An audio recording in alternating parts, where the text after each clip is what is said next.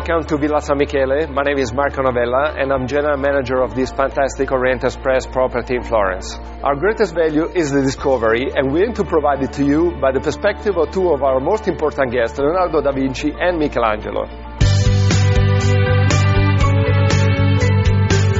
The point of view of Michelangelo, who designed this stunning facade in the 1500s, and the point of view of Leonardo da Vinci, who put together his first flying machine just here later on. So it's a completely different point of view provided by the Villa San Michele of the amazing city of Florence.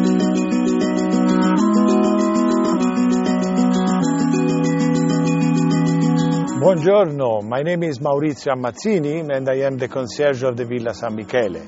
And this is one of my living rooms from where you can discover the treasures of this unique city.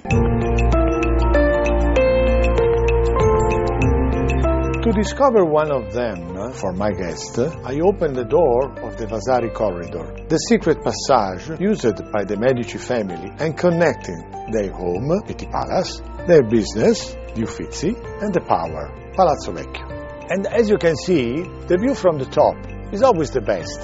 To see it even better, I organize hot air balloon flights uh, over the Chianti vineyards to celebrate the most special moments.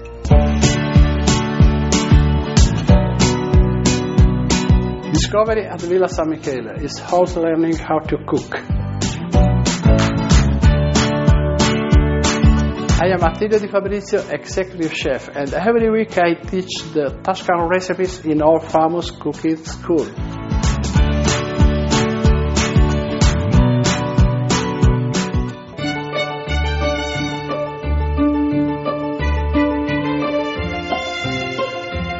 Hi, I'm Beata, Guest Services Manager. Flowers are my passion. Italian gardeners at Villa San Michele are my inspiration.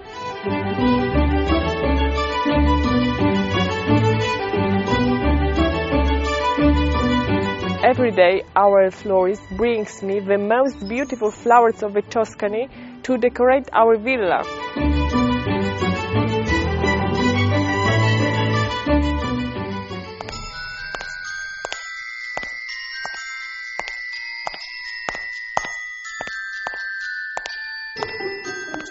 I'm Vittorio Dallò from Villa San Michele. I'm the food and beverage manager.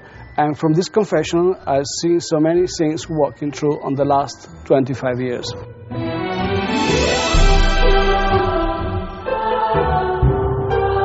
As every good monastery, Villa San Michele hold the best products, such as the bistecca, fiorentina, Mediterranean fish, vegetable gardens, wines and spirits because as you know food and wine are spiritual experience. And one of our treasure is the best collection of spirits especially vintage armagnac from 1900